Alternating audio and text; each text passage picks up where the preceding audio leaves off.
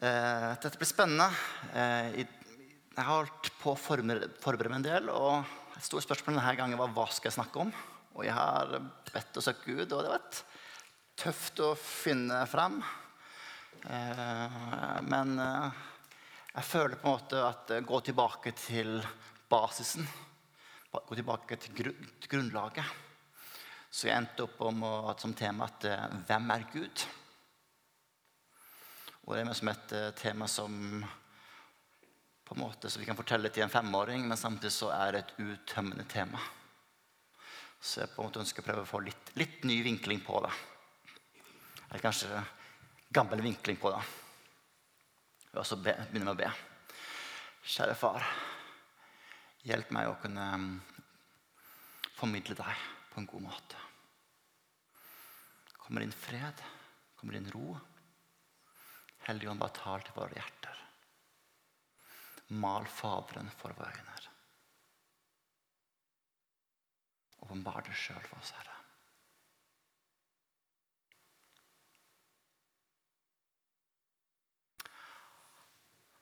Amen. Hvem er Gud? Et stort, stort spørsmål. Eh, Gud talte til Moses Moses var i ørkenen, i ødemarken, og gjeta sauene etter han hadde flykta ut dit. Og gikk der år etter år og begynte å bli en ganske gammel mann. Og så oppdaga han at han så en eh, busk som brant. I seg sjøl er det ikke så uvanlig at en busk brenner. Busker som det tørre brenner. Men han så videre på den at den ikke brant opp. Det var noe spesielt med dette her busken. Så han gikk bort til dem, og så fikk han et møte med Gud.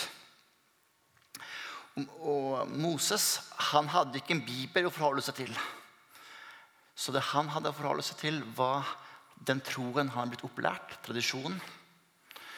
Så når eh, Gud talte til ham, åpenbarte seg, så sa han at 'Jeg er din fars Gud. Jeg er Abrahams Gud, Isaks Gud og Jakobs Gud. Det var ikke et tilfeldig møte, det var ikke en tilfeldig Gud. Det var, ikke bare, det var noen som hadde en historikk, en, en tradisjon, som hadde leda folk tidligere. Så når vi skal snakke om hvem er Gud, så skal vi i dag begynne å ta opp vår tradisjon. Hva, hvem, hva er vår arv? Hva er våre troshelter vi ser tilbake på? Hvem sin Gud er vår Gud? Og så spurte, hadde Moses og han en samtale videre. Og så åpenbarer Gud mer av hvem han er. At han skal utfri dem fra fangenskapet. Og så spør Gud etter hans navn. Nei, nei, Moses spør Gud etter hans navn. Men hvem er du? Hva er ditt navn? Og så får Moses det merkelige svaret. 'Jeg er den jeg er'. Jeg er har sendt meg. Dette er mitt navn til evig tid. Det er egentlig et vanvittig merkelig navn. Jeg er. Ja, hva er du, da? Hadde du vært 'jeg er alfa', 'jeg er begynnelsen', eller 'jeg er omega'? Jeg er frelseren, men jeg er. Hva er det for svar? Hvorfor er det den måten Gud ønsker å kommunisere. Hva betyr det at jeg er? Så Jeg håper vi skal få et litt mer bilde av det i løpet av denne kvelden. Hvilken tradisjon står vi i? Vi er faktisk litt heldigere enn Moses. Vi har en hel bibel med masse vitnesbyrd eh, om hvem Gud er. Og vi har fått åpenbart masse navn. Et spennende studium i hvem Gud er det ser på alle de navnene han åpenbarer seg med. For Guds navn eh, forteller hvem hans karakter er, og hvem han er. Men vi har også et rikt eh, arv på andre kristne som har gått foran oss. Eh, som også er Guds folk, Guds personer, som har Gud som sin Gud. Så vi har en felles kristen arv, en felles familie med både andre kristne i byen her, i landet vårt, i verden, som kaller Gud som sin pappa, som sin Gud. Og ikke bare de som lever i dag, men i generasjon på generasjon på en generasjon har valgt å kalle Gud som sin Gud. Så vi står på en måte i en tradisjon. Gud er ikke bare Gud til oss, men til alle troende. Og i, i, våre setninger så kanskje tradisjon kan virke litt tørt og litt kjedelig. og litt... Øh, for vi er opptatt av hva skjer nå. Og det er viktig å, tenke, se på vår egenart og på hvilken kultur vi ønsker å bygge. Men det er viktig å ha to tanker i, i hodet samtidig. Vi har det på den siden, Men samtidig så bygger vi på røttene på andre som har gått foran oss. Vi bygger ikke et tre ut i løse lufta, men vi bygger på et solid fundament. På, på mennesker som har trodd på Gud foran oss. Så vi er del av en stor hel helhet. Det er viktig at vi leser Bibelen. Bibelen er vårt fundament. Men Skriften alene kan av og til bli misforstått hvis det blir bare min lesning og min tolkning av Skriften alene. For det er vår tolkning av Bibelen i en større sammenheng. Må dere sammen med alle hellige bli i stand til å fatte bredden, lengden, høyden, dybden. Ja, kjenne Kristi kjærlighet som går, overgår all kunnskap. Så det er ikke bare min forståelse og min lesing. Det er veldig bra at vi leser Bibelen, men det er, er vår forståelse av Bibelen? Hvis, hvis du oppdager en åpenbaring som ingen har oppdaget før, så er den kanskje feil. For det er vår forståelse som, som er viktig. Og ikke bare vår, vi her, vi, vi kristne i Mandal, vi kristne i Norge, vi kristne i verden. Ja, opp gjennom hele tiden.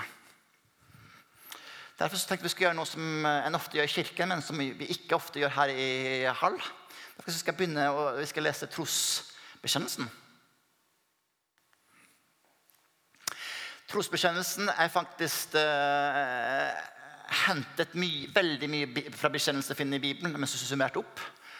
Og uh, stammer veldig fra 300-tallet, selv om den endelige formuleringen er, er, kommer litt seinere. Det som er litt gøy med trosbekjennelsen, er at det egentlig blir brukt i hele kristenheten. Selv om du er katolikk, om du er karismatiker, om lutheran, så har, du, har vi egentlig samme tro. Vi har samme bekjennelse. Og det er ganske kult å tenke på at uh, selv om det er vanvittig ulike former Noen bruker røyk i lovsangen, andre bruker røyk i, forbøn, uh, i forbønnen. Vi bruker ikke røyk i det hele tatt. Det er vanvittig mye forskjellige former eh, som eh, kan være veldig fremmede.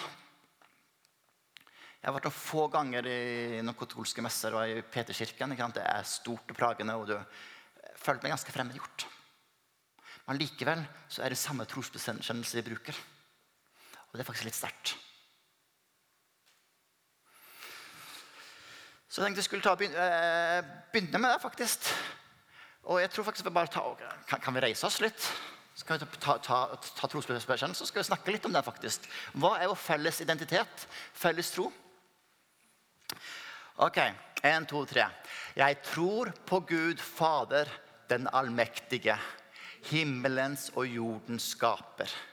Jeg tror på Jesus Kristus, Guds enbårne sønn, vår Herre, som ble unnfanget av Den hellige ånd født av jomfru Maria, pint under Pontus Pilatus, korsfestet, død og begravet, får ned til dødsriket, stå opp fra de døde den tredje dag, for å opp til himmelen, sitte ved Guds den allmektiges høyres, høyres hånd, skal derfor komme igjen for å dømme og døde. Jeg tror på Den hellige ånd, en hellig allmenn kirke, de hellige samfunn, syndens forlate, legemets oppstandelse og det evige liv. Amen. Kjempebra. Det er litt kult at selv om det er så mye mangfold, så ulike retninger, så er det egentlig en felles trosbekjennelse som holder oss sammen. At, eh, og det er så vanvittig fort gjort å fokusere på hva vi er uenige om. Men vi har et vanvittig fundament som er felles. Felles røtter. Derfor skulle det være gøy faktisk å preke seg gjennom trosbekjennelsen. For det er så mye sterkt der, og så mye bra. Men i dag skal vi på en måte begynne bare med et fugleperspektiv. Og det som er spennende, er egentlig hvordan Gud blir presentert. Den treenige Guden får stor plass her. Gud som Faderen, som sitter på tronen. Sønnen, som er Guds offerlam for våre synder. Og Den hellige ånd som duen, som på en måte kommer med og møter oss og veileder. Veldig eh, interessant og spennende i forhold til eh, at dette får så mye vekt i forhold til min egen praksis. For eh, ja, jeg ber til Faderen, og du kan lovsynge og prise eh, Jesus. Og så prøver vi å lede Den hellige ånd. Men i praktiske så betyr ikke treenigheten så veldig mye. Men det er interessant hvor stor del og plass den får i vår felles eh, bekjennelse. Og kanskje vi har gått glipp, glipp av noe. Og nettopp den spennheten, spenn, spennvidden her At Gud som, en, som, som tre personer i én. For oss er det veldig vanskelig å skjønne, men Gud er større enn vår forstand. Større enn vår tanke. Og det eh, bringer en del spennende perspektiv. Så det jeg tenkte litt Skal vi se på det. Hvem er Gud?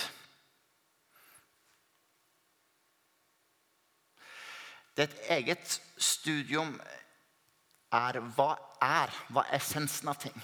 Hva er essensen til tilværelsen? Hva ligger bak alt sammen? Hva er egentlig? Og hvis du ser på ulike, Det er faktisk en egen eh, lære i filosofi. så har du noe som heter metafysikk. Og i metafysikken så har du noe som heter ontologi, som studerer hva er hva ligger bak. Hva er det eh, egentlig virkelige? Hva, hva er væren? Og alle trosretninger, livssyn, religioner kan gjerne deles inn ganske røftlig i eh, ulike systemer her. Ulike, eh, hvordan man ser på virkeligheten. Hva ligger bak allting. Og ved å se på andre systemer å, så forstår du deg sjøl bedre. Noen har sagt at Kjenner du bare én religion, så kjenner du ingen. Så ved å møte andre måter å se ting på, så får du et større forståelse av ditt eget. Og det er interessant at Når du har koket allting ned til basis, byggeelementet, hva består allting til, så vil du se at alle trossystem kan egentlig ofte lande på én eller to eller tre måter å se virkeligheten på. Så hva er essensen av allting? veldig mange systemer sier at alt er ett. Monoisme. Og det kan, eh, en, eh, da vil man si at alt kommer fra én ting, og alt er den tingen.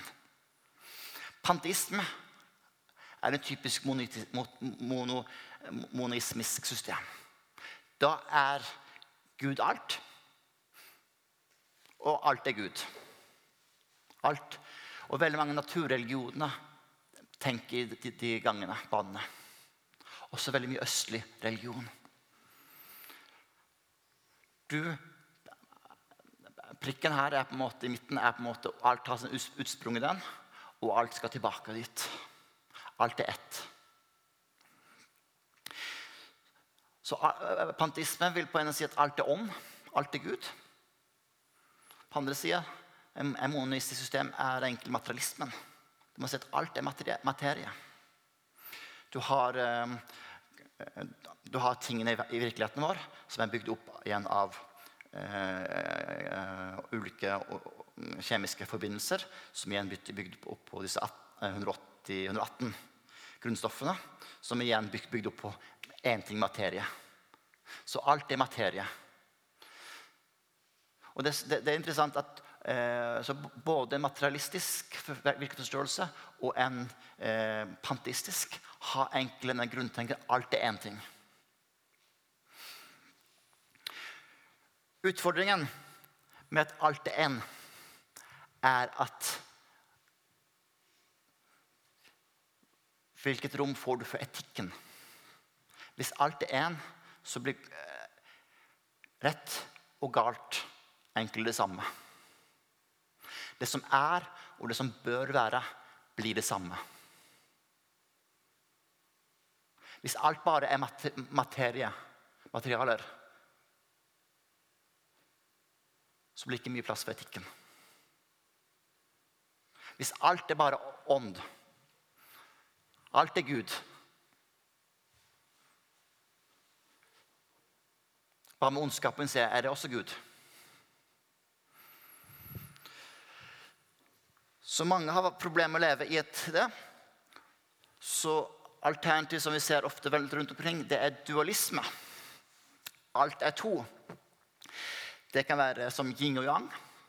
Det onde mot det gode. Som står i spenning til hverandre. Det er en kamp mellom onde og gode. Som vi finner mye østlig religion. I gresk tankegang så er det ikke eh, så mye ondt mot god, men det er det materielle mot åndelige. Så det blir to parallelle univers som står i motsetning til hverandre. Gresk tankegang er veldig delt mellom det materielle og ånden. Eller det kan være mellom eh, eh, kropp, og, kropp, og, sinn. Eller kropp og ånd. Du på en måte har et skille mellom. Og kristen teologi og kirkefedre og sånt er blitt veldig påvirket av gresk tankegang. Og den eh, skillet her finner vi ofte veldig mye hos oss også. Men igjen så eh, er, møter det utfordringer. Ser dere noen utfordringer med disse to grunnmodellene?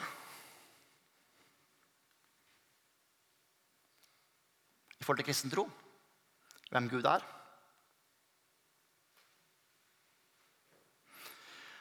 I forhold til monisme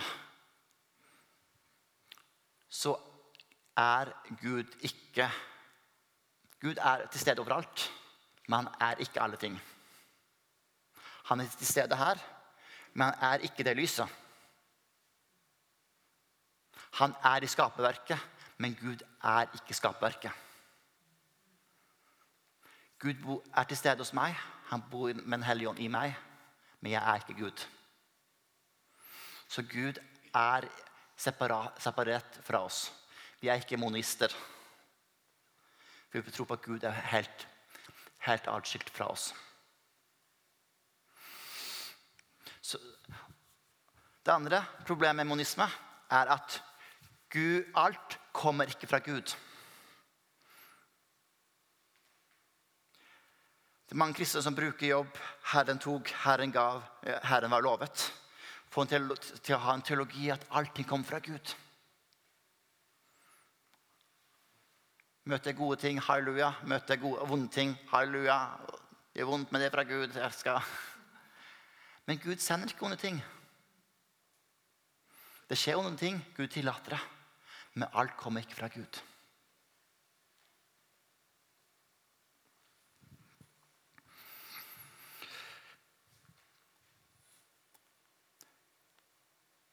Dualisme. Ja, vi kan se mye trekk i kristen tro som ligner veldig mye på dualisme. Det er en kamp mellom det gode og det onde.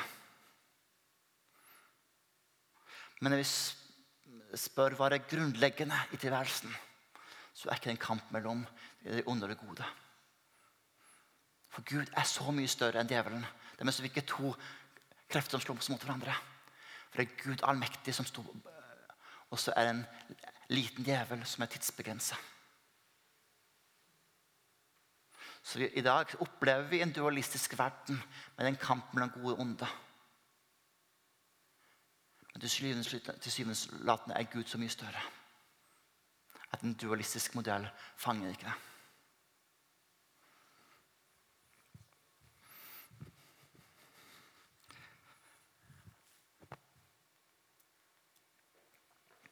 Så i stedet for én, to, to, så ser vi at Gud er tre. Og også løsning bringer dette på problemet.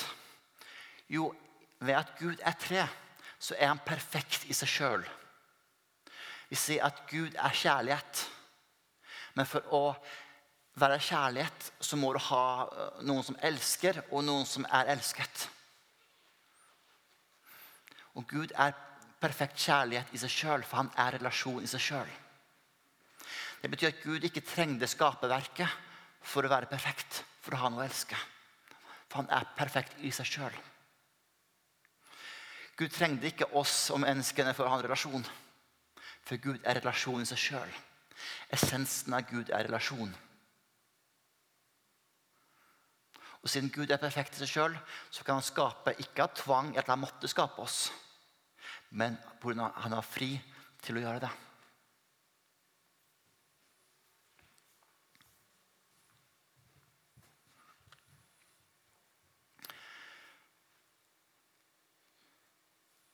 Og siden Gud da er relasjon,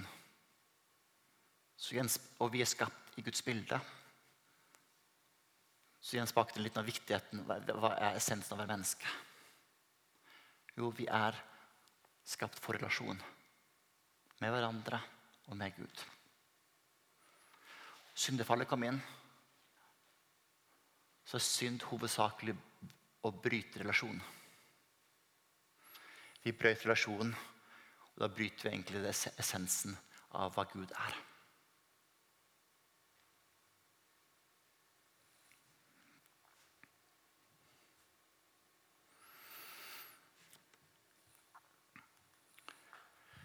Så hva er forholdet Det er litt filosofisk her i kveld.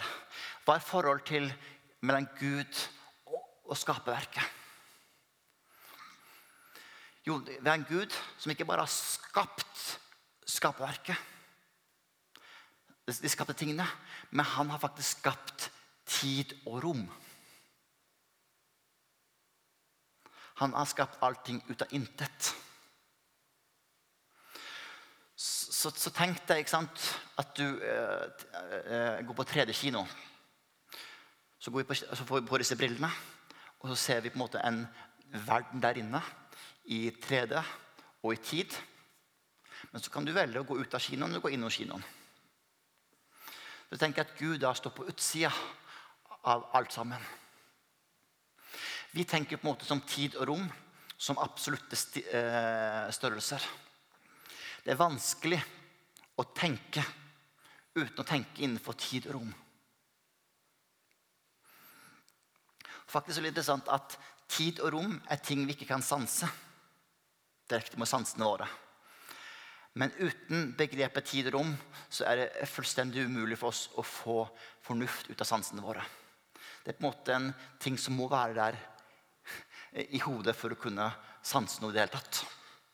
Så tid og rom for oss mennesker er veldig basis. Det er absolutt det. Men vi da tror på Gud som er på utsida av tid og rom. Og Pga. at Gud er på utsida, så kan han både være helt separat fra skaperverket. Han er ikke del av skaperverket. Han er ikke den stolen. Han er ikke det lyset. Han er ikke meg. Samtidig så kan han også være nær. For han er ikke bundet av tid og rom. Så kan han være nær hver enkelt.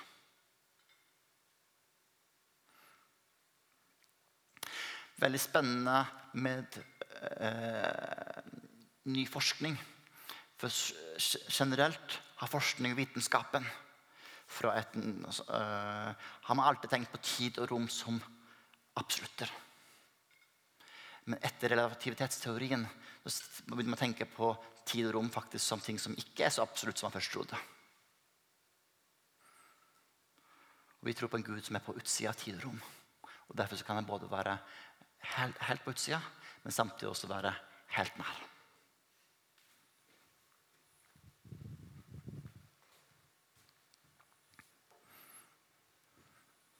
Skal avslutte med salme, salme 139. Bakfra og forfra omgir du meg. Du har lagt din hånd på meg. Det er et under jeg ikke forstår. Det er så høyt at, høyt at jeg ikke kan fatte det. Hvor skulle jeg gå fra din pust? Hvor kunne jeg flykte fra ditt ansikt? Stiger jeg opp til himmelen, er du der. Legger jeg meg i dødsriket, er du der. Tar jeg soloppgangens vinger og slår meg ned ved havets ender, da fører din hånd meg også der. Din høyre hånd holder meg fast. Så Gud som er skaperen overalt, som er helt separat, som ut, på utsida av tid og rom, han er samtidig nær. Det digger med tros, trosbekjennelsen. Det begynner med både far og skaperen. Gud som der oppe, men samtidig der nære. Vi som små mennesker her kan være nær Gud. For han har valgt å være nær. Det store og det nære i ett.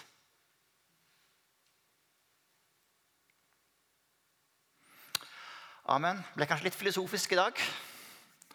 Eh, men eh, jeg tror det er litt nyttig å, å tenke litt gjennom de store tingene.